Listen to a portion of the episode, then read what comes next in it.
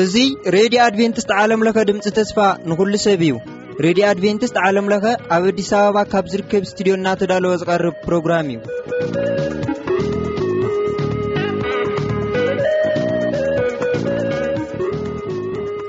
በብዘለኹም ምኾንኩም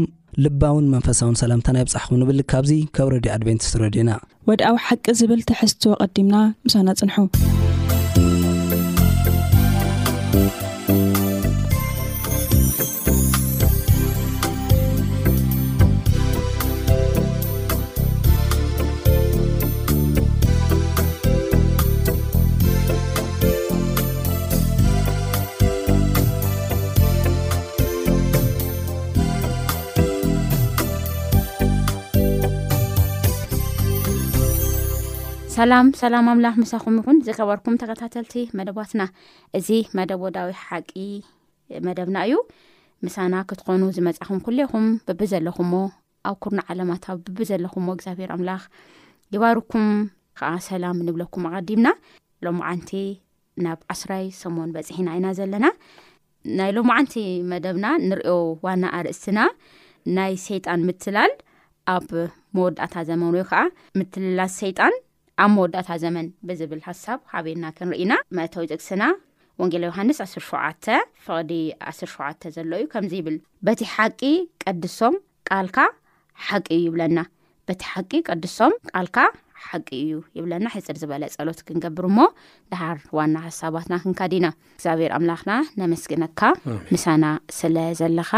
በቲ ሓቂ ኣቢልካ ከዓ ተቕድሰና ኣምላኽ በቲ ቃልካ ኣቢልካ ትመርሐና ዘለካ ኣምላኽ ስለ ዝኾንካ ነመስግነካ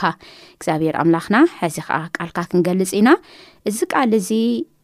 ሰሚዕናሲ ምሳና ተዋሂዱሲ እግዚኣብሔር ኣምላኽ ንስኻ ኣብ ትግለጸሉ መዓልቲ ኣብ ገጽካ ደው ዘብለና ክኸውን ንሰምዓት ይኹን ንበዓልትና ኣዚ ኣብ ስቱድዮ ዘለና ንኩላትና ንጽሊ እግዚኣብሔር ኣምላኽ ስለ ዝሃብካና ነዚ ሓቂ እዚ እውን ነመስግነካ ኣይትፈለየና በቲ ሞይቱ በዘድሐነና ብሓደ ወድኻ ብክርስቶስ የሱስ ንጽሊ ኣሜን ብሓባር ኮይና ንሪኦ ሓሳብ ሰይጣን ኣብ መወዳእታ ዘመን ከመይ እዩ ከም ዘታልል ከመይ ገይሩ እዩ ንወዲ ሰብ ኣእምሮ ከምዝሒዝ ኢና ሎማዓንቲ ብሓባር ኮይና ንርኢ ኣብ ምድሪ ዘሎ ኩሎም ነበርቲ ከምቲ ዝሓለፈ ሰሞ ዝረኣና ማለት እዩ ናይ ባቢሎን ናይ ቁጣዕ ወይኒ ይሰት እዩ ከም ዘሎ ማለት ተስቲ ከም ዘላ ባቢሎን ርኢና ነርና ግን እግዚኣብሄር እንታይ ኢሉ ህዝበይ ካብቲ ቁጣዕ ወይኒ ሰቲኹም ከይትተርፉሲ ካብኡ እንታይ ግበሩ ውፁ ካብቲ ምትላል ናይ ሰይጣን ውፁ እናበለ ከም ዘጠንቀቀና ንርኢ ማለት እዩና ኣብ መወዳእታ ወዲ ሰብ እንዳር ካብኡ ካብቲ ካብ ባቢሎን እንተዘይወፅኡ ኣብ መወዳእታ እንታይ እዩ ዝኸውን ሞት እዩ ዝተርፍ ሞት እዩ ዘለኣለማዊ ሞት ማለት እዩ ስለዚ ካብ ዘለኣለማዊ እዚ ሞት እዚ ኣብ ወንጌል ዝረኣናዮ ኣብ ዮሃንስ ራእ ዮሃንስ ዝረኣናዮ መልእክቲ እዩ ማለት እዩ ንእግዚኣብሔር ፍርሑ ሰማይ ምድሪ ንዝፈጠረ ስገዱ ውጹ ካብ ባቢሎን ከምኡ ኸኣ በይኑ እግዚኣብሄር ኣምላኽ ምዃኑ ኣውጁ ዝብል ሓሳብ እዞም ሰለስተ ኣዋርሕ ናርኣና ንኔና ማለት እዩና ሎሚ ግን እንታይ ኢና ንርኢ ማለት እዩ ባቢሎን ካብቲ ዘታልሎ ምትላል ንላዕሊ ጎይታና መድሃና ኢየሱስ ክርስቶስ ሞይቱ ዘትረፈና ካብ ሞት ከዓ ህዚ እውን ከነምልጥ ላዳልየና ናይ ዘለኣለም ናቱ ዝኾነ ትልሚ ናቱ ዝኾነ ሓሳብ ባባር ኮይና ክንርኢና ማለት እዩ ሃብ ንኣማን ኣብ ስቲድዮ ምሳይ ኣሎ ኣማን ናባኻ ከብል ሕቶ እሞ ምናልባት ወዲ ሰብ ግን እቲ ዝሒዝዎ ዘሎ ነገር ኩሉ ግዜ እቲሒዝዎ ዘሎ ነገር በ እዚ ፅቡቅ እዩ ኢሉ ዩ ዝኣምን በቃ ለልሃስክዎ ነገር ብዘይ ምንም ነገር ፅቡቅ እዚ ኣመላካታ እዚ ዘለዎ ዛምፀኦ ሰዓብየን እንታይ እዩ ስ ሰይጣን ኣታላሊ ካብ ዝኾነሉ ጀሚሩ ግዜ ወይ ድማ ሰይጣን ተባሂሉ ካብ ዝፅውዓሉ ግዜ ቀሊል ግዜ ኣይኮነን ብዙሕ ዓመታት ገይሩ እዩ ብዙሕ ዓመታት ክገብር ከሎ ሞር ኤክስፒሪንስድ ኮይኑ እዩ ፕሮፌሰር ናይ ምትላል ኮይኑ እዩ ማለት እዩ ልዕሊ ፕሮፌሰር ናይ ምትላል እውን ኮይኑ እዩ ካብዚ ዝተላዕለ እቲ ናይ ምትላል መንገድታቱ ካብቲ ናይ መጀመርያ ዝነበረ እቲ መሰረቱ ሓደ እኳ ተኾነ ነገር ግን ብዝረቐቐን ብሰፍሕን መንገዲ ብዝዓሞቐ መንገዲ እናኸየደሉ ከም ዘሎ እዩ መጽሓፍ ቅዱስ ዝነገረና ማለት እዩ ስለዚ ኣብዚ ዘመን እዚ እንታይ ኢና ክንገብር ዘለና ዝብል መጀመርያ መፅሓፍ ቅዱስ ዝህበና መጠንቀቕታ እዩ ክንርኢ ዘለና ኣብ ማርቆስ ምዕራፍ 13 ፍቕዲ 22 ከይድና ነንብበሉ እዋን ሰይጣን ኣብ መወዳእታ ግዜ ነቶም እተመርፁ እኳ ይብለና ከንብቦ ይደል ናይ ሓሶት ክርስቶስን ናይ ሓሶት ነቢያትን ክትንስኦም እሞ እንተተኸኣሎም ሲ ይብል ነቶም እተመርፁ ወይ ድማ ነቶም ሕርያት እውን ከስሕቱ ትምህርትን ተኣምራትን ክገብሩ እዮም ይብለና ዝረቐቂ መንገዲ እዩ ቅድሚ ሕጂ ብቓል ጥራሕ እዩ ነይሩ ሕጂ ግን ብዝረቐቐ መንገዲ ካብ ምግባሩ ዝተላዕለ ነቶም እተመርፁ በቃ እዚኦም ኣይሰሓትዮም እዮም ተባሂሎም ኤክስፔክት ተገብረሎም ሕሩያት ንዕኦም ንክስሕቱ ዓበይቲ ትእምርታትን ተኣምራትን ከም ዝገብር እዩ ዝዛረበና ማለት እዩ ስለዚ ኣብ መወዳእታ ዘመን ሰይጣን ዝጥቀመሎም ምትላላት ዓሚቕ ሰፊሕ ተመክሮ መሰረት ዝገበረ ምትላላት ከም ዝኾነ መፅሓፍ ቅዱስ ይዛረበና እዩ ማለት እዩ ስለዚ ክንጥንቀቕ ከም ዘለና ይዛረበና ካብዚ ተወሳኺ ኣብዚ ናይ መወዳእታ ዘመን ሓደ ዘቕርቦ ዘሎ ሓሳብ እንታይ እዩ ብስምዒትናን ብዝመስለናን ክንምራሕ ከም ዘይብልና እዩ ሰይጣን ዘቕርቦ ምትላላት ኣሎ ምስ ተኣምራትን ምስ እንታሽሙ ዘቕርቦ ምትላላት ኣሎ ንሕና ግን ካብዚ ብተወሳኺ ስምዒትናን እቲ ርድኢትናን እቲ ንኣምኖ ነገራትን ኣብ መጽሓፍ ቅዱስ መጽሓፍ ቅዱስ እንክኾን ኣለዎ እምበር ኣብ ስምዒትና ጥራሕ ክንድረኽ ከም ዘይብልና ዘርኢ እዩ ኣብ ምሳሌ ምዕራፍ 14 ፍቕዲ 12 እንታይ ዝብል ሓሳብ ኣሎ ንሰብ ይብል ቅንዕቲ ትመስሎ መንገዲ ኣላ መወዳእታኣ ግና ሞት ይብለና ንሰብ ቅንዕቲ ትመስሎ መንገዲ ኣላ ግን መወዳእታ እንታይ እያ ሞት እያ ንምንታይ ሞት ዝኾነሉ ሞት ዝኾነሉ ዋና መንገዲ ኣብ መፅሓፍ ቅዱስ ኣብ ኤርምያስ ምዕራፍ 17 ፍቅዲ 9 ከይና ንሪኢ ኣለዋን ከምዚ ዝብል ቃል ንረክብ ናይ ሰብ ልቢ ኣዝዩ ተንኮለኛ ጎራሕን እዩ ተንበብኳ ይሓይሽታ ጥቕሲ ቃል ብቓል ማለት እዩ መንከ ይፈልጦ ይብል ከንብባ 17 ፍቕዲ ትሽዓተ ልቢ ከዓ ጎራሕን ኣዝዩ ሕሱምን እዩ መንከ የስተውዕሎ ስለዚ ልቢ ጎራሕ እናሃለወ ኣምላኽ ዘይከብረሉ እናሃለወ ብሓጢኣት ዝተባላሸወን ዝተበከለን እናሃለወ ንምንታይ ኢና ኣብ ስምዒትናን በቲ ልብና ዝሓሰቦን ንእመን ልብና ዝሓሰቦን ስምዒትናን ኩሉ ናብ ግጉይ ከም ዝመርሓና፣ ንሰብ ከም ዝጎድእ፣ ንዓና እውን ናብ ከም ዘውድቐና እናፈለጥና ንምንታይ ኣብኡ ነእመን? ኣብኡ ክንእመን የብልናን። ካብዚ ብተወሳኺ ኣብ ሮሜ ምዕራፍ ሰለስተ ኸይና ኣብ ነንብበሉ እዋን እውን ብዛዕባ ማንነትና ይዛረብ ሓቀይ ኣብ ሮሜ ምዕራፍ ሰለስተ ፍቕዲ ትሽዓተ ክሳብ ዓሰርተ ሸሞንተ ኸይና ኣብ ነንብበሉ እዋን ብዛዕባ ማንነትና ወይ ድማ ብዛዕባ ሓጢኣተኛ ፍጥረትና ከይዱ ክዛረብ ከሎ ኣብ ሓሳባትና ኣብ ርድኢትና ኣብ እምሮና ክንእመን ከም ዘይብልና ብደንቢ ይዛረብ ከምዚ ይንበብ ሮሜ ምዕራፍ ሰለስተ ፍቕዲ ትሽዓተ ክሳብ ዓሰርተ ሸሞንተ እንታይ ደኣ እዩ ካብቶም ካብኣቶም ዶ ንሕሸሉ ኣሎና እዩ ሓንቲ እኳ ኣይሁድ ኮነ ወይ ጾርኣዊ ኩላቶም ትሕቲ ሓጢኣት ምዃኖም ቅድም ከሲስና ኢና ትሕቲ ሓጢኣት እዮም ናይ ሓጢኣት ባርያ እዮም ናቶም ፍቓድ ክገብሩ ዘይክእሉ ናይ ሓጢኣት ባርያት ማለት እዩ ከምኡ ተጻሒፉ ኣሎ ሓደ እኳ ጻድቕ የልቦን ሓደ እኳ ዘስተብህል የልቦን ሓደ እኳ ንኣምላኽ ዝደለየ የልቦን ኩላቶም ዘንበሉ ኩላቶም ሓቢሮም ዘይጠቕሙ ኾኑ ጽቡቕ ዝገብር የልቦን፣ ሓደ እኳ የልቦን። ጎረርኦም ክፉት መቓብር እዩ፣ ብልሳኖም ከኣ ይጥብሩ። ኣብ ትሕቲ ከናፍሮም ሕንዚ መንደልቶ ኣሎ። ኣፎም መርገምን ምርን ምሉእ እዩ። ኣእጋሮም ምፍሳስ ደም ቅልጡፍ እዩ። ኣብ መንገዶም ጥፍኣትን ጸበባን ኣሎ። ንመንገዲ ሰላም ከኣ ኣይፈልጥዋን እዮም። ኣብ ቅድሚ ኣዒንቶም ፍርሃት ኣምላኽ የልቦን። ከምዚ ዓይነት ማንነት እዩ ዘለና። ንሕና ከኣ መጽሓፍ ቅዱስ ኣብ ሮሜ ምዕራፍ ሰለስተ ፍቕዲ ዕስራን ሰለስተን ኬድና ኣብ ነንብበሉ እዋን፣ ኵሎም ሓጢኦም ክብሪ ኣምላኽ እውን ስኢኖም ይብለና እዩ። ቅድም ኢለ ኣብቲ ዘንበብክዎ ሮሜ ምዕራፍ ሰለስተ ፍቕዲ ዓሰርተ እውን ከምኡ ተጻሒፉ እዩ፣ ሓደ እኳ ጻድቕ የልቦን እዩ ዝብለና። ኵላትና እንታይ ኢና? ሓጢኣተኛታት ኢና። ስለዚ ሓጢኣተኛታት ክነስና፣ ልብና ጐራሕ ክነሱ፣ ናብ ጽቡቕ ከም ዘይመርሓና እናፈለጥና ብሓጢኣት ድራይቭ ንግበር፣ ብሓጢኣት እንምራሕ ሰባት ክነስና ንምንታይ ኢና ሓሳባትና ልዕሊ ኣምላኽ ልዕሊ ቃል ኣምላኽ እንኣምኖ ንዑ እዩ ንሰብ ቅንዕቲ ትመስሎ መንገዲ ኣላ ቅንዑ ክመስለና ኽእል እዩ ርድኢትና ክንሓስብ ከልና ሓሳብ ክንብ ከልና ቅንዑ ክመስለና ይኽእል እዩ ነገር ግን ጉጉ እዩ ኣብቲ ናትና ሓሳብ ክንእመን የብልናን ኣበይ ዳና ክንእመን ዘለና ሂወትና ንመንፈስ ቅዱስ ኢና ሕሊፍና ክንህብ ዘለና ሂወትና ንመንፈስ ቅዱስ ሕሊፍና ኣብቲ ቃል እግዚኣብሄር ኢና ክንእመን ዘለና እዩ ይገርም እዩ ሰባት ብዘመናት ማለት እዩ ናብ ዓሎም ሓሳብ ናይ ዓሎም ስምዒት ተግባራዊ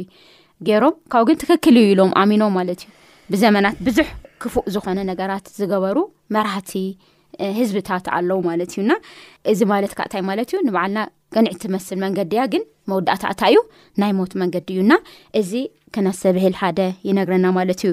ንምንታይ ሲ እዚ ባይዘወይ ኣዚ ኣብ ሓደ ዶ ተወሲኑ ዝተርፍ ነገር ኣይኮነን ዓለም ለካኡ እዩ ኣርኣያ ዮሃንስ ምዕራፍ ዓስተ ክልተ ፍቅዲ ትሽዓተ ክንርኢ ከለና ንዓለም ናብ ዘላ ዓለም ሲ ዘስሕታ ዘሎ ዲያብሎስ እዩ ዝብል ዲያብሎስ ንመን እዩ ዘስሕት ዘሎ ነዛ መላእ ዓለም ዘላ ዘስሕት ሎ ሞት ሓደ ዘስሕቶ መንገዲ ኣብዚ ኣብ ርኣያ ዮሃንስ ምዕራፍ ዓስተ ሸሞንተ ፍቅዲ ክልተ ከምኡ ከ ዕስራን ሰለስተን ካይናክሪ ከለና ክልተን ሰለስተን ብሓደ እንኦ ከምዚ ይብል ንሱ ከኣ እታ ዓባይ ባቢሎን ወዲቃ ወዲቃ መሕደር ኣጋንንትን ሰፈር ኩሎም ርኹሳት መናፍስትን ሰፈር ርኹስን ዘፍንፍን ዘበለ ኩሉ ዕፍን ኮይና ኩሎም ኣህዛብ ካብቲ ወይን ቁጣዕ ምንዝርና ሰትዮም ነገስታትን ምስ ኣመንዚሮም ነጋዶ ምድሪ እውን ብሓይሊ ፅጋባ ሓፍቲሞም እናበለ ብብርቱዕ ድምፂ ጨደረ ይብለና እዚ ናይ ባቢሎን ባቢሎን እንታይ ዓይነት ምልክት ከም ዘለዋ እንታይ ዓይነት ባህሪ ከም ዘለዋ ኣብዚ ይነግረና እንደገና ዓስር ሽዱሽተ ከይና ከዓ ፍቅድ ዓስር ሰለስተ ክንሪኢ ከለና ካብ ኣፍ እቲ ገበልን ካብ ኣፍ እቲ ኣራዊትን ካብ ኣፍ እቲ ነቢ ሓሶትን ከዓ ቁርዓብ ዝመስሉ ሰለስተ ርኩሳት መናፍስቲ ክወፁ ከለዉ ረእኹ እዚኣቶም ትምህርቲ እናገበሩ ንነገስታት ኩላ ዓለም በታ ዓባይ መዓልቲ ናይቲ ኩሉ ዝኽእል ኣምላኽ ንውግእ ክእክብዎ ዝወፁ ናይ ኣጋንንቲ መናፍስቲ እዮም ይብለና ሰይጣን ብምትላል ይሰርሕ ኣሎ ዝተጠቅሞምናልባት ኣብዚኣ ሕጂ ቹቺ ሓፍተይ ምናልባት ናፍታ ዋና ሓሳብ ክንኣቱ ከለና ኣብ ራእይ መራፍ ዓሰ ሽዱሽተ ፍቅዲ ራእይ መራፍ ዓሰ ሽዱሽተ ፍቅዲ ዓሰሰለሰን ዓሰ ኣርባዕተ ኬት ክብ ዘንበብ ኩሉ እዋን ዓባይ ሓሳብ ኣላ እንታይ ትብል ካብ ኣፍ እቲ ገበል ከዓ ካብ ኣፍቲ ኣራዊትን ካብ ኣፍቲ ነብርን ሓሶት እንቁርዖብ ዝመስሉ ሰለስተ ረኢኹ ሰለስተ መናፍስ ክወፁ ዘሎ ሪኣ ዓሰርተ ኣርባዕተ ድድሕሪ እዚኣቶም ይብል ቅድም ኢልና እውን ኣብ ማርቆስ መራፍ ዓሰ ሰለስተ ፍቅዲ ዕስራ ሰለሰን እዚኣቶም ትእምርቲ እናገበሩ ይብለና ትእምርቲ ናይ ሓቂ መመዘኒ ኣይኮነን ሎሚ ተኣምራት ይገብር ኣሎ ዋ ብሽም የሱስ እናፀውዑ እኮ እዩ ተኣምራት ዝገብር ዘሎ ብፀበል እንታ ሽም እግዚኣብሄር እናፀውዑ እኮ እዩ ተኣምራት ዝገብር ዘሎ ዝሕው ዘሎ ደው ዘብል ዘሎ ዝብል ዓብዪ ዝኾነ መረጋገፂ ኮይኑ ኣሎ ንሰብ ትእምርቲ ሓቂ ምዃኑ ዘረጋግጽ ነጥቢ ኣይኮነን። ሰይጣን ውን ባዕሉ ትእምርቲ ይገብር እዩ። እና ትእምርቲ ክገብር ዋላ እኮ ትእምርቲ ክገብር ንመን እዩ ዝጥቀም ባዕሉ ይኮነ እዩ ብኣካል ኣይኮነ ሎ ኣይኮነን። ነቶም ድኹማት ኣእምሮ እናተጠቐመ እዩ ንኣብነት መን እዮም እዚኦም ትኩ- ድኹማት ገበል ማለት ሰይጣን እዩ ንመን እዩ ንስልጣን ሂቡ ነቲ ኣራዊት ይብል ኣራዊት ኢሉ መጽሓፍ ቅዱስ ነልቀለን ዝኾነ ናይ ዝመርሕ ኣካል እንተስ ሃይማኖት ዝመርሕ ወይ ከዓ መንግስቲ ክኸውን ይኽእል እዩ ከምኡ ከዓ ነቢይ ሓሶት ይብል ነቢይ ሓሶት በቃ ብእግዚኣብሔር ሽም ዝንበዩ ነቢያት ኣለው ሓሶት ካብ ሰይጣን ተቐቢሎም ትእምርቲ እናበሉ ንህዝቢ ዘታልሉ ዘለው ማለት እዩ እቲ ዋና ምትላል እቲ ዋና ምትላል ሰይጣናዊ ግዜ እዚ ለብል ዘለው ነብሲ ወይ ከዓ ሰብ ትንፋሱ ወይ ከዓታ ካብኡ ተፈልያ ዘላ ነገር ሂወት እያ ኢሉ ዝኣምን ኣይትመውትን ኣብ ሰማይ ካይዳ ኣብ ልኾነ ሕቕፉ እያ ኮፍ ትብል። ወይ ከዓ ትመውት ከላ ሰብ ክመውት ከሎ ስግኡ ኣብ ምድሪ ምስ ተቐበረስ ዝኾነ ኣካል እኒኦ ሓደ ግዜ ኣብ ሓዊ ሓደ ግዜ ኣብ ማይ ኢሉ ዘምህር ሰይጣን እዩ። ክቡራት ተከታተልቲ እዚ ንሄዋን እውን እንታይ ኢሉ ክትመውቲ ኢኺ እዚ ምስ በልዓኺ ምስ ተባሃለ ኖ ሙማት ኣይትመውቲ ኢኺ እዚ ትምህርቲ እዚ ሰይጣን ካብቲ ናይ ሄዋን ግዜ ጀሚሩ እስካብ ሎሚ ኣብ መንጎ ህዝብታት ዘርእዎንዮ ሎሚ ግዜ ከዓ ከፊኡ ብዝኸፈአ መልክእ ማለት እዩ ዝሞተ ሰብ ካልኦት ትምህርቲ ንባዕሉ ወሊዱ ማለት እዩ ካልኦት ትምህርቲ ወሪሉ ንሙታን ይፅለይ ብስሩ እቲ ብጣዕሚ ልገርመካ ማለት እዩ ኣማን ሓወይ ሰብ እየ ዋዶ ኣነ ሓዚ ሰብ እየ ዋላ ነምፃ እዮም ቅድስና ብቅድስና ብኣምላኽ ኣሚኖም ዝዓረፉ ሰባት ነምፃ እዮም ኣብዚ ምድሪ ዘነበሩ ማለት እዩ ካብ ጎይታና መድሓና የሱስ ክርስቶስ ኣዶ ጀሚራ ድንጊል ማርያም ጀሚርና ማለት ቅድስቲ ብፅእቲ ዝበላ እግዚኣብሄር ማለት ማርያም ኣብ ስብእናኣ እያ ንፈጣሪኣ ኣብ ማህፀና ገይራ ላምፀት እዚ ናይ ፈጣሪ ስራሕ እዩ ብድሕሪኡ ሰብ ንኣምላኽ ልልወጠሉ ምንም ምክንያት የለን ኣብ ግዚኡ ሰብ ዋላ ሰብ ኮይኑ ንኣብነት ኣዚ ምስ ክርስቶስ የሱስ ናብ ሰማይ ዝኸዱ እኒኦዎ ዶ ኤልያስ ሙሴ ሰማይ ካይዱ እዩ ኤልያስ ሙሴ ንኣይ ናተይ ፀሎት ክሰምዕ ኣብ ኩሉ ቦታ ክርከብ እኒኦ ኣብ ኩሉ ቦታ ክርከብ ግን ኣይኽእልን ኩሉ ቦታ ክርከብ ዝኽእል እግዚኣብሄር ጥራሕ እዩ ወዲ ሰብ ምስ ሞተ ኣብ ኩሉ ቦታ ተረኺቡ ክርኢ ብሓደ ግዜ ኣብ ኩሉ ግዜ ክር- ኣብ ኩሉ ቦታ ክርከብ ዝኽእል ብሓደ እግዚኣብሔር ግዜ ጥራሕ ኣብዛ ሰዓት እዚኣ ኣብ ኣብ ማእኸልና እውን ክኸውን ዝኽእል ኣብ ሰማዕትና ዘለዎ እውን ክኸውን ዝኽእል ኣብ ዝተፈላለዩ ቦታታት ኮይኖም ዝዳምፁና ዘለዉ ሰባት እውን ክኸውን ዝኽእል እግዚኣብሔር ጥራሕ እዩ ዝስልጣን ዘለዎ። እግዚኣብሔር ጥራሕ እዩ ሰብ ምስ ሞተስ ኣምላኽ ይኸውን ኢሉ እዩ ሰይጣን ኣምሂርዎም እኒኦ ሰብ ተረዲኡካ ዶ ኣማን ሓወይ ኣነ ንስኻ ናዛብ ዛብ ስቲዶ እዚኣ ኒኤና ዋዶ እታ ምትላል እውን ተሪኢኻዮ ኮብ ዘፍጥረት ምዕራፍ ሰለስተ ክጅምራ ከሎ እታ ሱርሳ እንድያ እንታይ ኢልዎም እዛ ፍረ እዚኣ ምስ በላዕኹም ሲ ላ ኣይትሞቱን ኢኹም ነገር ግን ከም ኣምላኽ ዓይንኹም ከም ዝኸፈታ ከም ኣምላኽ እውን ከም እትኾኑ ስለ ዝፈለጠ እዩ ዝብል እዚ ኣሚኑ ሕጂ ዓይኖም ከም ዝተኸፈተ ኣእሚኖ ሓጢኣት ሰሪሕናስ ዓይንና ክፈት ትኽእል እዩ ሓራይፍ ክንከውን ንኽእል ኢና ብዙሕ ነገር እዩ ዝረኣየና ክብሉ ጀሚሮም ኦኬ ድሓር ከም ኣምላኽ እውን ክንከውን ንኽእል ኢና እዩ መዓስ ኢና ከም ኣምላኽ ንኾን ምስ ሞትና ዝብል ኣተሓሳስባ ኣትሒዝዎም ማለት እዩ እዚ ዓብ ምትላል ናይ ሰይጣን እዩ ብጣዕሚ እዩ ዝገርም እና እዚኣ ሓሳብ ትኩረት ገርና ንሪኦ ነገር እንታይ እዩ ሰብ ሰብ እዩ ኣምላኽ ኣምላኽ እዩ ኣምላኽ ሰለስተ ባህሪ ማለት ሓደ ናይ እግዚኣብሔር ባህሪ ኩሉ ዝኽእል ወዶ ናይ እግዚኣብሔር ባህሪ ንሰብ ዘይወሃቡ ማለት እዩ ካልኣይ ኩሉ ዝፈልጥ ሳልሳይ ኣብ ኩሉ ቦታ ዝርከብ እዚ እግዚኣብሄር ፈጣሪ ምዃኑ እዩ ዘረጋግጸልና። ፍጡር ከኣ ካብ ወዲ ሰብ ጀሚሩ ኣብ ኩሉ ቦታ ክርከብ ኣይኽእልን። ኣነን ንስኻን ኣብዛ ስቱድዮ እኔና ዋዶ? ካብዛ ስቱድዮ ወጻኢ ዘሎ ነገር ንፈልጦ ነገር የብልናን። እግዚኣብሄር ከምኡ ገይሩ እዩ ሰሪሑና። ምስ ሞትናስ ኣብ ኣሜርካ ለሎ፣ ኣብ ኣውሮፓ ዘሎ፣ ኣብ ኣውስትራልያ ዘሎ፣ ኣብ ኢትዮጵያ ዘሎ ኩሉ ተልዒሉ ናባይ ልጽለየሉ ምንም ምክንያት የለ። ኣይፈልጥያ። ስጀመር እንታይ ይብል ሙታንሲ እቶም ብህይወት ዘለውሲ ገለ ይፈልጡ እዮም። ሙታን ግን ገለ እኳ ኣይፈልጡም እዩ ኢለና መክብብ ትሽዓተ ሓሙሽተ። ድቃስ እዩ ዝደቀሰ ሰብ ዝፈልጦ ነገር የብሉን እስካብ ዝነቅሕ ሞት ከዓ ድቃስ እዩ ኢሉና እኒ ኣምላኽና ስለዚ ንሰብ ምምላኽ ናብ ሰብ ምፅላይ እገለ ባም ዝግበረል ፃድቁ ወገለ ኣራ ሰይጣን ኣታልሉ ህዝብና ወዲእዎ እዩ ንመለስ ህዝበይ ካብዚ ዓይነት እምነት እዚ ሰይጣን ክትላል ካብ ለታልሎ መንገዲ ሓደ ሓጢኣት ገበረት ነፍሲ እሳ ክትመውት እያ ኢሉ እግዚኣብሄር ሰይጣን ከዓ ኖ ኣይትመውትን ኢኻ ምስ ሞትካስ ኣምላኽ ትኸውን ኢሉ ኣምሂሩኒ እዩ ማለት ምስ ሞትካስ ኣምላኽ ትኸውን ብህይወት ከለኻስ እኳ ይሕሽ ትዘራረብ ትመላለስ ገለ እኳ ትጽሊ ትዘራረብ ይሕሽ ሙታን ግን ሓደ ይፈልጡን እዮም ሓደ ኣይፈልጡን እም ይብለና መክብብ ማለት እዩ ስለዚ ካብ ቃል ኣምላኽ ወፃኢ ኢና ንኸ ዘለና ንሙታን ንዕጥን ዘለና ንሙታን ንጽሊ ዘለና ዋላ ብህይወት ንዘሎ ፍጡር ንጽሊ ዘለና እዚ ናይ ሰይጣን ምትላል እዩ እሞ ካብዚ መንገዲ እዚ ክንምለስ እግዚኣብሄር ፃውኢት ኣቕርብ ህዝበይ ውፃእ ይብለና ኣሎ ማለት እዩ እዚ መጠንቀካ እዚ ሎሚ ክትቕበሉ ንብል ክብራት ተኸታተልትና ናብ ዝቅፅል ሓሳብ ንኸ ድሞ ባቢሎን ዝኾነ ባህሪ ነይርዋ ባቢሎን ኢሉ መፅሓፍ ቅዱስና ላደጋገመ ዝዛረብ ዘሎ ኣብ ባቢሎን እግዚኣብሄር ዝፈንፈኖ እግዚኣብሄር ዝፀልኦ ተግባራት ነይሮም ዝተለማመድዎም ተግባራት ነይሮም እስቲ እንታይ ዓይነት እዮም ነይሮም ስቲ ሓደ ባቢሎን ካብ ሜዶ ፋርስ ካብ ግሪክ እና ካብ ሮም ፍልይ ዘብላ ሓደ ተግባር ትኩረታ ሙሉእ ብምሉእ ኣብ ጣዖት ኣምልኾ ዩ ነይሩ ካብ ዝገርመኪ ብጣዕሚ ሕጂ ሜዶ ፋርስ ዝፍለጥሉ መንገዲ ኣሎ እንታይ እዩ ናይ ፖለቲካ ኣሰራርሓ ሓያላት እዮም ኣብቲ ናይ ፖለቲካ ኣሰራርሓ ኣብዚ ናይ ትምህርቲ ሓያላት እዮም ሮማ እውን ከምኡ ብተመሳሳሊ ግሪክ እውን ተሪኢኺ ናይ ግሪክ ፍልስፍና ዝበሃል ኣብ ፍልስፍና ሓያላት እዮም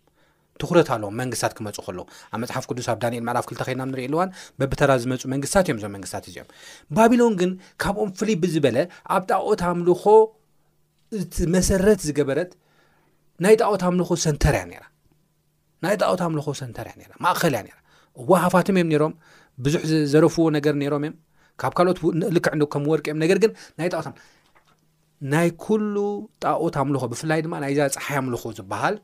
ኣምልኾ ማእኸል እያ ነራ ኣብኡ እዩ ኦልሞስ ተጀሚሩ ንሶም እዮም ጀመርቲ ተበልና ምግናን ኣይኮኑ ብዙሓት ሂስቶርያን ከምኡ እዮም ዝብሉ ኣብ መፅሓፍ ቅዱስ ከና ንሪኢ ኣለዋን ካብ ዝገርምና ካብ ዝሕዝን ነገር ግን እዚ ዝጀምርዎ ናይ ጣዖት ኣምልኾ ብፍላይ ድማ ናይ ፀሓይ ኣምልኾ ብጣዕሚ ካብኦም ሓሊፉ ናብ ኣይሁዳውያን ካብ ኣይሁዳውያን ሓሊፉ ናብ ክርስትና ጽልዋ ገይሩ ጽልዋ ገይሩ ክሳዕ ሕጂ ዘሊቑ ሰብ ብፍላጥ ኮነ ብዘይፍላጥ የኽብሮ ኣሎ ካብ ዝገርመኪ ነገር ማለት እዩ እዚ ናይ ፀሓይ ኣምልኾ መፅሓፍ ቅዱስ ግን ብዛዕባ ጣዖታት ዝዛረበና ነገራት ኣሎ እሱ ክርኦ ብዛዕባ ጣዖታት ዝዛረበና ነገራት ነገር ግን እስራኤላውያን ንኣይሁዳውያን እዚ ናይ ጣዖት ኣምልኾ ናይ ፀሓይ ብፍላይ ኣምልኾ ዝበሃል ናይ ፀሓይ ኣምላኽ ዝበሃል የምልኾ ከም ዝነበሩ ኣብ ህዝቅኤል ምዕራፍ 8 ፍቅዲ 16 ንሪኦ ሓሳብ እዩ ከምዚ ድማ ይንበብ እንታይ ይብል ቤት መቅደስ እዩ እግዚኣብሄር ዝነብረሉ ኣብ ማእኸልኩም ክሓድር ቤተ መቅደስ ስርሕሉ እዩ ዝተባሃለ ቅዱስ ስፍራ እንታይ ገብሩ ነሮም ካህናት ካህናት ኮ ናብቲ ውሽጣዊ ኣፀድ ቤት እግዚኣብሄር ወሰደኒ እኖኻ ኣብቲ ደገ መቅደስ እግዚኣብሄር ኣብ መንጎ ገበላን መሰውን ኣስታት 2ሓሽ ሰብኣይ ዝባኖም 2ሓሽ ሰብኣይ ዝባኖም ናብ መቅደስ እግዚኣብሄር ገፆም ናብ ምብራቅ ኣቢሎም ነበሩ ናብ ምብራቅ ኣቢሎም ንፀሓይ ይሰግዱ ነበር ይብለና ኣብ ቤት መቅደስ ሕጂ ኸ ሕጂ ከዓ ሰባት ሳን ደይ፣ Day of Sun፣ መዓልቲ ጸሓይ፣ እዛ ሕጂ እሁድ ተባሂላ ብኣምሓርኛ ትጽዋዕ ዘላ፣ ወይ ብግእዝ፣ ናይ ግእዝ ቃል እዩ፣ ኢንፋክት ናይ ኣምሓርኛ ቃል እውን ኣይኮነን። ኣሃዱ ትብል እወ። መጀመርያ መዓልቲ ማለት እዩ። ናይ መጀመርያ መዓልቲ፣ እቲ ናይ ትግርኛና ጽቡቕ ቃል እዩ፣ ናይ ግእዝ ቃል ጽቡቕ ቃል እዩ። እሁድ ማለት ኣሃዱ፣ ኣሃዱ ማለት እዩ፣ ቀዳማይ መዓልቲ ማለት እዩ። ብእንግሊዝኛ ግን ከይድና ኣብ ንርእየሉ እዋን ሳንደይ እዩ ዝበሃል። ሳንደይ ማለት መዓልቲ ጸሓይ፣ ጸሓይ ዝምለኸሉ ዝነበረ መዓልቲ፣ ጸሓይ ዝበዓለሉ ዝነበረ በዓል ማለት እዩ። ሰብ ብፍላጥ ኮነ ብዘይፍላጥ እታ እግዚኣብሄር ዝቐደሳ መዓልቲ ገዲፉ እንታይ ክገብር ከሎ ኢና ንርኢ እቲ መዓልቲ ፀሓይ ከም ቅዱስ ገይሩ ክወስዶ ከሎ ኢና ንርኢ እዚ ቅዱስ መዓልቲ እዩ ኢንፋክት ኢንቴንሽናሊ እዩ ኢንፋክት ኢንቴንሽናሊ እዩ ናይቲ ኣብ ዝሓለፈ ናይ ጳጳሳዊ ስርዓት ዝበልናዮ ሓሳብ ከይና ንርኢ ኣለዋን ጳጳሳዊ ስርዓት ሓደ ካብ ዝገበሮ ነገር እንታይ ኢልና ስልጣን ኣለኒ ኣነ ኣብዚ ምድሪ ተወካሊ እየ ኢሉ ተዛሪቡ ነይሩ እዩ ስለዚ እዛ ምስለይ እዛ ምልክተይ ድማ ንዓይ ምናልባት ኣብ ዝቐፅል እውን ክንሪኦ ንኸውን ኢና እዛ ምልክተይ ከዓ ንዓይ መዓልቲ ፀሓይ እያ ፀሓይ ዝምለኸላ መዓልቲ እዚኣ ናተይ ምልክት እያ ኢሉ ዝወሰደ እዚ ካብ ሙሉእ ሰብ ተቐቢልዎ ማለት እዩ መዓልቲ ፀሓይ ታሽ ስለዚ ንሕና መዓልቲ እግዚኣብሄር ንሳ ድማ ቀዳም ሻውዓይቲ መዓልቲ ኢና ከነክብር ተፀውዕና ቀዳም ድማ ናይ እግዚኣብሄር ስልጣንን ግዝኣትን ሓይልን ተርእየና እያ እሞ ኣብኡ ክንዓርፍ ንእግዚኣብሄር ከነምልኽ ካብ ጣዖት ኣምልኾ ድማ ታሽሙ ክንገብር ምናልባት ሓንቲ ጥቕስ ከንብብ ጥራሕ ፍቐድለይ ሓፍተይ ችቹ መዝሙር ምዕራፍ 115 ዘላ ብዛዕባ ጣዖታት ቅድም ኢለ ከንብባ ዝበልኩ ክንክብር ከም ዘለና እዩ ዝነገረና መዝሙር ምዕራፍ 115 ዘላ ሓሳብ ከንብብ ጣዖታት ይብል ስለምታይ ኣህዛብ ኣበይ ደኣሉ ኣምላኾም ዝብሉና ይብልና ቁፅሪ ክልተ መዝሙር ምዕራፍ 125 ኣምላኽ ኣብ ሰማያት ኣሎ ዝደለዮ ኩሉ ይገብር ጣዖታት ኢድ ሰብ ዝገበሮም ብሩርን ወርቅን እዮም ኣፍ ኣለዎም ኣይዛረቡን ኣዒንቲ ኣለዎም ኣይርእዩን እዝኒ ኣለዎም ኣይሰምዑን ኣፍንጫ ኣለዎም ኣይጫንውን ኢድ ኣለዎም ኣይድህስሱን እግሪ ኣለዎም ኣይከዱን ብጎረሮም ድማ ገለ እኳ ኣየድምፁን እዮም እቶም ዝገበርዎም ኣብኦም ዝውከሉ ኩሎም ከምኣቶም ክኾኑ እዮም ይብላ ንጣዖት ከነምልኽ የብልናን ናብ እግዚኣብሔር ክንምለስ ኣልና ናብ ቃሉ ክንምለስ ኣልና ዝብል መልእኽቲ ንምትሕልላፍ እዩ ኣሜን እግዚኣብሔር ባርካ ኣማን ሓወይ ልገርመካ እዚ ኣንቶ ከምቲ ዝበልናዮ ንሰብ ቅኑዕ ዝመስል መንገዲ ማለት እዩ እዚ ኣብዚ ታሪክ ካይና ክንሪኢ ከለና መፅሓፍ ቅዱስ ዋላ ገዲፍና ታሪክ ካይና ክንሪኢ ከለና ቆንስጣንጥኖስ ዝበሃል ንጉስ ሮም ዝነበረ እንታይ ገይሩ ኣብ ሰለስተ ስራን ሓደን በዓሉ ፀሓይ ለምልኽ ሰብ እዩ ነይሩ እዚ ሰብ እዚ ማለት እዩ ደሓር ፀሃይ እናምለኸ ላሃለ ክርስትና ይቅበል ማለት እዩ ክርስትና ምስ ተቐበለ ታይ ይገብር በቃ እዞም ፀሓይ ለምልኹ ዘለዉ ጣዖት ዘምልኹ ዘለዉ ምእንታን ናብዚ ክመፁ ሲ እዚ መዓልቲ እዚ እንታይ ክንገብሮ እኒኤና መዓልቲ ኣምልኮ ክንገብሮ እኒኤና ኢሉ መዓልቲ ኣምልኮ ክንገብር ኣለና ኢሉ ካብኡ እንታይ ምግባር ጀሚሮም ኣብ ሁድኣብ መዓልቲ ምምላኽ ጀሚሮም ማለት እዩ ደሓረ ጸኒሑ እንደገና ኣብ ሮም ኣብ ሮም ኣብ በዓሉ እንደገና እንታይ ተገይሩ እዚ መዓልቲ እዚ ጎይታና መድሓኒና የሱስ ክርስቶስ ካብ ሞት ተሰኦ ዝተንስኦ መዓልቲ እዩ እሞ ናምልኾ ተባሂሉ ከም ዝተኣወጀ እግዚኣብሔር ግን ኣይበለን እግዚኣብሔር ሽዱሽተ መዓልቲ ስራሕ ተግባርካ ፈጽም ሸብዓይቲ መዓልቲ ናተ እያ ዝበላ መዓልቲ ቀዳም ሸብዓይቲ መዓልቲ ቀዳም እዚ ደጋጊምና ኢና ንዛረብ ዘለና ኣብ ህዝብና ከኣ ሰንበት እያ ትበሃል እዛ እሁድ ማለት እዩ ሰንበት ኣይኾነትን እግዚኣብሔር ዘይበላ ዘይቀደሳ ዘይባረኻ ዘይሃባ። ሰንበት ማለት ትርጉሙ ዕረፍቲ ማለት እዩ። ዕረፍቲ ማለት እዩ። ዕረፍቲ ከኣ ሻውዐይቲ መዓልቲ እዩ እምበር ቀዳማይ መዓልቲ ዕረፍ ኣይኮነን። ልኡል እግዚኣብሔር እወ ዝዓረፈላ እወ። ዝዓረፈላ ከኣ ሻውዐይቲ መዓልቲ እያ እምበር ቀዳመይቲ መዓልቲ ኣይኮነን። ሻውዐይቲ መዓልቲ ከኣ ቀዳም እዩ እምበር እሁድ ኣይኮነን። እሁድ ካብ ኣጸዋውዓ ናይ ኣምሓርኛ ወይ ድማ ካብ ኣጸዋውዓ ናይ ግእዝ እኳ ከይድና ንርኢ እዋን እሁድ ቀዳማይ መዓልቲ እምበር ሸውዓይቲ መዓልቲ ኣሃዱ ማለት እዩ ኣይኮነን። እዚ ንፍለጥ ክብራት ተኸታተልትና በቲ ቋንቋና እንግዲህ እዚ ክንፈልጥ ዘይፈለጥና ተሊና እግዚኣብሔር ናብ ምፍላጥ ክንኸምፀቕኩም ጸሎትና እዩ እዚ ኢና ንእውጅ ዘለና ናብ መወዳእታ ኣከባቢ ንመጽእ ኢና ዘለና ኣብ ማእኸል ንሽተን ሓሳብ ክብልሞ መወዳእታ ንገብር ኢና እሙናት ክንከውን እግዚኣብሔር ኣምላኽ ጻውዒት ይገብረልና ኣሎ እሙናት ክንከውን ማለት እዩ እሙን ዝኸውን ሰብ ከዓ ነቲ እምንትኡ ካብ ምድሪ ኣፕሪሽን ወይ ከዓ እንኳዕ ገበርካ ዝብል ነገር ኣይቕበልን ምክንያቱም ካብዚ ቅድም ዝነበሩ ቅዱሳን ብምሉኦም ናይ ክርስቶስ የሱስ ኣብ መዋታ ሞት ናይ ክርስቶስ የሱስ ኣቢሎም እዮም ፅዋዕ ሰትዮም እዮም እዛ ፅዋዕ ሳሲ ሰትዮማ እዩ ስለዚ ብሓቂ ንክርስቶስ የሱስ እናመሰሉ ክነብሩ ዝደልዩ ኩሎም ንታይ ክስጎጉ እዮም ዝብል መፅሓፍ ቅዱስና ስለዚ ንእሙነት ዝገረ ዝቀረበ ሕቶ ግን እንታይ እዩ ኣንቶ ኣብ መእተዊ ዛንበብናዩ ማለት እዩ በቲ ሓቂ ጌርካ ቀድሶም ቃልካ ካዕታ እዩ ሓቂ እዩ ሰለዚ ኣብ መወዳእታ ዘመን ኣብ ወሳኒ ዝኾነ ሰኣት ወዲ ሰብ ብኣመለኻኸታ ብስምዒት ብምናምን ኣይኾነ ክልካዕ ብኡ ኣይኾነ ክፍረድ እቲ ዝፍረድ ብምንታይ እዩ ብናይ እግዚኣብሔር ቃል ሓቂ እዩ ክፍረድ ማለት እዩ ስለዚ እቲ ሓቂ ተዘርጊሑ ዘሎ ሒዝና ብሓቂ ክንመላለስ ማለት ኣንቶ ህዝቅኤል ኣንቢብካ ነርካ እቶም ናይ እግዚኣብሄር ሰባት ዝነበሩ ኣብ ቤት መቅደስ ኣትዮም ግን እንታይ ኣምልኹ ነሮም ገጾም ዘይሮም ፀሓይ እንታይ ፅልዋ ገይሩሎም ናይ ኣረማውያን ሃይማኖት ማለት እዩ ሕዝለ ኣብ ጸሓይ ኣምልኾ ዘለና ህዝቢ ብምሉእ ኣለም ብምልኣ ጸሓይ እያ ተምልኽ ዘላ ግን ጻውዒት ነቕርብ ኢና ዘለና ብፍላጥ ኮነ ዘይምፍላጥ እሁድ ነምልኽ ዘለና መዓልቲ ጸሓይ እዩ ንጸሓይ ኢና ነምልኽ ዘለና ንእግዚኣብሄር ኣይኮናን እግዚኣብሄር ግን መጠንቀቅታ ይህብ ህዝበይ ይብል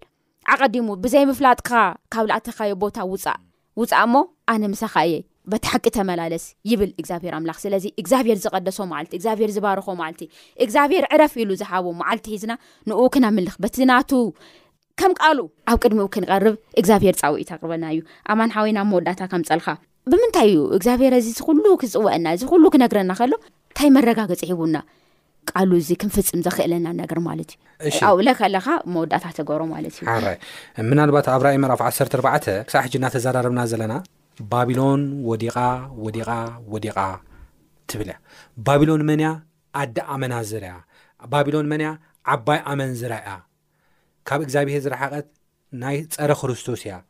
እናበልና ኢና ዘለና ስለዚ እዛ ባቢሎን እንታይ ኣዳልያ እያ ወይኒ ኣዳልያ እያ ንኣህዛብ ንነገስታት እንታይ ንምግባር ንክሰኽሩ ንምግባር ንኣእምሮኦም ንክስሕቱ ሰኸረ ሰብ ከዓ በቃ ምን ውን ኣይፈልጢ እንታይ ክገብር ኣይፈልጢ ብትክክል መዚኑ ወሲኑ ክካየድ ኣይክእልኣይክእልን ስለዚ ካብ ዝስክራን እዚ ክንወፅእ እዩ ፃውዒት ዘሎ እቲ ዋና ሕጂ ከምቲ ዓንቶይ ዝብልዮ ዝነበርኪ ኣብ ራይ መራፍ 1ሸተ ከይና ንሪእሉ ዋን ካብ ዝገርመኪ ናይ እግዚኣብሄር ኮነ ኢሉ ፀረ ዝኾነ ነገር ክዳሉ ከሎ ዝባቢሎን ኢና ንርኢ ተቀዳማይ ትዝክርቲ ኮይንኪ የሱ ክርስቶስ ኣብ ማቴዎስ ምዕራፍ 26 እንታይ ክገብር ከሎ ኣብ ቅድሚ ስቕለቱ እዚ ስሌኹም ዝፈስስ እዚ ስረኹም ዝፈስስ እንታይ እዩ ደመ እዩ ኢሉ ወይኒ ሓድሽ ወይኒ ዘይደረቐ ወይኒ ክቦም ከሎ ኢና ንርኢ እዚ ከዓ ስሌኹም ዝቑረስ ደመ እዩ ኢሉ ክታሽሙ ክገብር ከሎ ኢና እዚ ወይኒ ክርስቶስ ዝሃቦም ዘይደረቐ ፍሬሽ ወይኒ ኣብ ኢሳያስ ምዕራፍ ሳ ሓሙሽ ከም ዝብለና እውን እዚ ኣብ እግዚኣብሄር ብሩኽ ሞ ኣይተጥፍዎ ዝተባሃለ ወይኒ እዩ እግዚኣብሄር ዝሃቦም ነገር ግን እዚ ወይኒ እዚ ኸዓ እንታይ እዩ ዘማላኽት ምንም ሕውስዋስ ዘይብሉ ናይ እግዚኣብሄር ትምህርቲ እዩ ዘማላኽት ማለት እዩ ነገር ግን እዛ ባቢሎን ከይድና ንሪኢ ኣለዋን ኣብ ራእይ ምዕራፍ 17 ከይድና ንሪኢ ኣለዋን ነገስታት ምድሪ ምስኣ ኣመንዚሮም ኣብ ምድሪ ዝነብሩ ከዓ ብወይኒ ምንዝርናኣ ስኺሮም እናበለ ተዛረበኒ ይብለና ከምኡ እውን ብተወሳኺ ኣብ ራእይ ምዕራፍ 18 ፍቅዲ 4 ክሳብ ሓሙሽተ ከይድና ንሪኢ ኣለዋን እንታይ ይብል ይገርም እዩ ካብ ቁፅሪ ክልተ ጀሚረ ከንብብ ንሱ ከዓ እቲ ዓባይ ባቢሎን ወዲቓ ወዲቓ ማሕደር ኣጋንንትን ሰፈር ኩሎም ርኹሳት መናፍስትን ሰፈር ርኹስ ዘፈንፍን ዘበለ ኩሉ ዕፉን ኮይና ኩሎም ኣህዛብ ካብቲ ወይኒ ቁጥዓ ምንዝርናኣ ሰትዮም ንግስታት ምድሪ ከዓ ኣመንዚሮም ነጋዶ ምድሪ ብሓይሊ ፅጋባ ሃብቲሞም እናበለ ብርቱዕ ወይኒ ቁጥዓ ቁጥዓ ዘምፅእ ወይኒ ከዓ ከም ዘዳለወት ኢና ንርኢ ሕውስዋስ ዘስክር ወይኒ ጥዕና ዘይህብ ዝደረቐ ወይኒ ትኽክል ዘይኮነ ብናይ ሰብ ትምህርቲ ተመርኮዘ ወይኒ ከም ዘዳለወት ኢና ንርኢ ትፈልጢ ኢኺ ኣብ የሱስ ክርስቶስ ኣብ ትምህርቱ ካብ ዘምሃሮ ነገራት ንፈሪሳውያን ሓደ ካብ ዝብሉ ነገራት እዚ ህዝቢ እዚ እንታይ ይገብር ብኸንቱ የምለኸኒ ልቡ ግና ካባይ ርሕቕ እዩ ናይ ሰብ ትምህርቲ እናምሃሩ እንታይ ገብሩ ብከንቲ እዮም ንኹኒ ክብል ኮለና ኣብ ሰብ ትምህርቲ ትኩረት ዝገበረ እዩ ዚ ባቢሎን ኣብ ናይ ሰብ ፍልስፍና ንታኣሽሙ ዝገበረ እዩ ስለዚ ንሕና ካብዚ ክንወፅእ ከምቲ ኣብ መጀመርያ ዝበልናዮ ድማ ናይ ሰይጣን መተላላት ኣብ መወዳእታ ዘመን ብጣዕሚ ዓሚቑ ዩ ሰፊሑ ኢልና ኣለና ነገር ግን ካብዚ ንክንወፅእ ብቅድስና ክንነብር ንእግዚኣብሔር ተኣዚዝና ብፅንዓት ክንመላለስ እንታይ የድለየና እዩ ፀጋ እግዚኣብሄር የለና ስለዚ ፀጋ እግዚኣብሄር ናብ እግዚኣብሄር ብምቕባል ኣብ ትሕቲ እግዚኣብሄር ቃሉ ብምምሃር ከም ፍቓዱ ብምምላስ ክንቅበልን ብፀግኡ ድማ ብእምነት ብእምነት ተኣሚንና ክንመላለስ እግዚኣብሄር ፀግኡ የብዝሓልና ኣሜን ኣሜን ኣማን ተባረኽ እግዚኣብሔር ኣምላኽ ይባርካ እሞ ክብራት ሰማዕትና ለለና ሓሳብ እዚ እዩ ናሎሚ ማለት እዩ ስለዚ ክርስቶስ የሱስ ምናልባት ሀዚ ብዘለናዮ ኩነታት ንገይታ ስለ ዝመረፅና ንመንገዱ ስለ ልመረፅና ንሓቂ ስለ ዝመረፅና ዝበፅሐና ብዙሕ ነገር ክህሉ ይኽእሉ እዩ ኣብ ሂወትና ማለት እዩ ግን ኣብቲ ቃሉ ኢሉ ናብቲ ዝኣመነኒ ሲ እቲ ምሳይ ዝካደ ሲ እንተሞይቱ ኳስ ብሂወት ክነብር እዩ ብሂወት ክነብር እዩ ንምንታይ ከተሶ እዩ ማለት እዩና እዚ ሒዝና ከነካድ እዩ ካሊእ ከዓ ክንፈርሕ የብልናን ክንሰግእ የብልናን ንምንታይ ኣምላኽና ንኣናታ እዩ መዕቆብን ሓይልን እዩ ብፀባባ ከዓ ፍጡን ረድኤት እዩ ናይ ንክእሎ ነገር ኣይሂበናና ምናልባት ብፍርሒ ብሃሳባት ብዝተፈላለየ መንገዲ ሓቂ መንገዲ ምስ ፈለጥና ካብ ግን ካብ ህዝቢ ኣይፍለይ ከምዝተኮይኑ ክግለል እየ ከምዝተኮይኑ ናይ ክርስትና መንገዲ ፃውዒት ኣቅርበና ቅዱስ እግዚኣብሔር መንፈስ እንታይ ይብለና ውፁ እቲ ዝሃስኩሞ ሓቂ ሒዝኩም ነቶም ዘይፈለጡ ከዓ ኣፍልጡ ይብለና እሞ በዚ መንገዲ እዚ ክንኸይድ እግዚኣብሔር ፀጉኡ ኣብዝሐልና ወይታ መንፈስ ቅዱስ ብቢዘለናዩ ምሳና ይኹን ኣብ ዝቅፅል ካሊእ ሓሳብ ከዓ ሒዝና ክንቀርብ ኢና ክሻብ ሽዑ ግን ምናልባት በዚ ዝተዘራረብናዮ ዛዕባ ወይ ከዓ ሓሳባት ለለኩም ዝኾነ ይኹን ሕቶ ዝኾነ ይኹን ሓሳብ እንተልዩኩም ኣድራሻና እንሆ ንብለኩም ቴሌፎን ቁፅርና 0911145105 ወይ ድማ 0921884912 እንተደሊኹም ሓፂር ፅሑፍ ወይ ከዓ ደው ኢልኩም ትረክቡና ምዃንኩም እናዘኻኸርና